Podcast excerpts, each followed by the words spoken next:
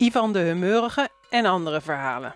Deze podcast is gebaseerd op verhalen van Anke van Humbeek en voorgelezen door haar kinderen en kleinkinderen.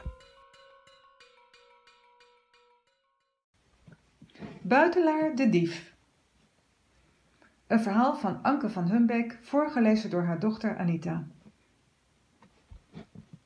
Buitelaar, het katertje, was al zes keer om het huis gelopen. Hij had honger en wou erin. Door ieder raam had hij smachtend naar binnen gekeken. Hij was schor van het miauwen. Maar in huis blijft het stil. Alleen de parkiet zit in zijn koperen kooi voor het raam. Hij wauwelt iets. Buitelaar weet best wat hij zegt. Geen poot steek ik uit om jou erin te laten. Als antwoord likt Buitelaar begeerig langs zijn snor, waarop de parkiet met zijn rug naar het raam toe gaat zitten. Het is anders wel om uit je vel te springen, weggaan en hem, arme stakker, buiten in de regen laten staan. Nou ja, het regent niet, maar het zou toch kunnen gaan regenen, niet waar? Hij heeft het wel getroffen met zo'n familie. Buitelaar kijkt nog één keer boos naar binnen, neemt een aanloop en springt dan met een vaartje op de tuinmuur. Uit de andere keuken klinkt zacht vaatgerinkel. De buurvrouw is aan het afwassen. Buitelaars groene ogen krijgen plotseling een zachtere uitdrukking. Dat is pas een vrouw. Altijd thuis, zo hoort het. Gistermiddag had ze een balletje gehakt voor hem neergelegd. Een verrukkelijk balletje, niet te veel peper, niet te zout. Het water loopt hem in de mond als hij er aan terugdringt. Toch nog eens proberen. Hij springt van het muurtje af en wandelt langs de keuken heen en weer, vriendelijk zwaaiend met zijn staart. En als dat niet helpt, miauwt hij, zo'n beetje van dat benauwde, dat hongerige. Maar ze doet net of ze hem niet hoort. Hij spert zijn bek wijd open en gilt nogmaals miauw. Op dat ogenblik doopt de buurvrouw een glas in het water, maar voordat de straal op het terras klettert, zit Buitelaar al op de volgende tuinmuur. Van je buren moet je het maar hebben, denkt hij grimmig. Beneden hem op het gras spelen twee kinderen vadertje en moedertje. Josephine met de blonde vlechten heeft net haar kind uit de poppenwagen gehaald als ze buitelaar ziet zitten. Ach, Steven, zegt ze zachtjes tegen de jongen, daar heb je die schat weer. Die schat gaat wat rechtop zitten en trekt zijn vriendelijkste gezicht. Kom maar, poesje, vleit het meisje, en speel met ons mee. Ik zal daar gek wezen, denkt Buitelaar. Hij gaat naar boven zitten kijken en knijpt zijn ogen dicht voor de zon. Misschien, zegt Steven, misschien komt hij wel als we een stukje worst voor hem neerleggen. Hij kijkt Josephine vragend aan. En als ze knikt, rent hij het huis in om iets te gaan halen. En voordat Steven terug is, zit Buitelaar al gezellig tussen de poppen en beren te wachten. Hier, zegt Steven, hij legt een plakje tongenworst voor Buitelaar neer op het gras. Buitelaar snuffelt eraan, loopt eromheen, snuffelt nog eens en begint dan met voorzichtige hapjes te eten. Met tongenworst moet je uitkijken. Er zitten lekkere stukjes in, maar ook minder lekkere. Maar als je honger hebt. De kinderen zitten er op hun hurken bij en genieten mee met elk hapje dat Buitelaar eet. Lief is hij, hè? vraagt Josephine. En hij heeft een mooie kleur, vind je ook niet? Hij eet goed, vindt Steven. Buitelaar smikkelt rustig verder tot er geen stukje meer in het gras ligt. Maar voordat hij de nasmaak uit zijn snor kan likken, voelt hij dat Josephine hem onder de oksels beetpakt. Voorzichtig legt ze hem in de poppenwagen. Nu gaat het poesje lekker slapen, babbelt ze. Doe je oogjes maar dicht, ik zal je fijn toedekken. Ze begint de lakentjes opzij voorzichtig in te stoppen en Steven mag het voeteind doen. Maar dat is niet zo'n eenvoudige zaak. Iedere keer als hij buitelaars staart heeft ingestopt, komt hij er aan de andere kant weer uit. Nou, vooruit eventjes dan maar, zucht buitelaar. Het ligt trouwens wel lekker, zo'n poppenwagen.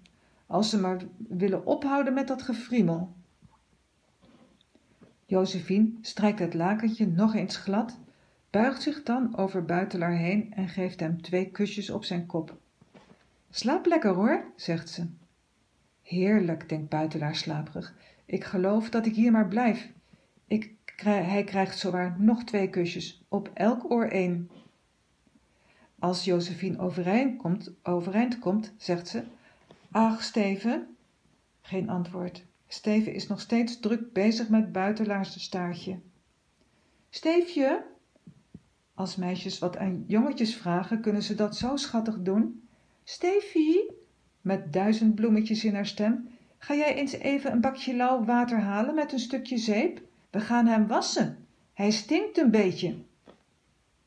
Het duurt even voordat Buitelaar begrijpt wat ze met hem van plan zijn, maar dan krabbelt hij met een grauw onder de dekens vandaan, springt uit de wagen en gaat er als een haas vandoor. Steven valt met een bons op zijn blauwe broekje. Hij gilt als een mager varken. Hij heeft me gekrapt, gilt hij, terwijl hij een vinger omhoog houdt. Laat eens kijken, vraagt Josephine bezorgd. Oh, het bloed, roept ze dan, verrukt. We gaan doktertje spelen, Steven. Ik ga pleisters halen. Blijf jij maar even rustig zitten. Buitelaar loopt alweer in de volgende tuin rond te neuzen. De keukendeur is dicht, maar het raam staat een eindje open. Hij steekt zijn neus omhoog en snuift eens.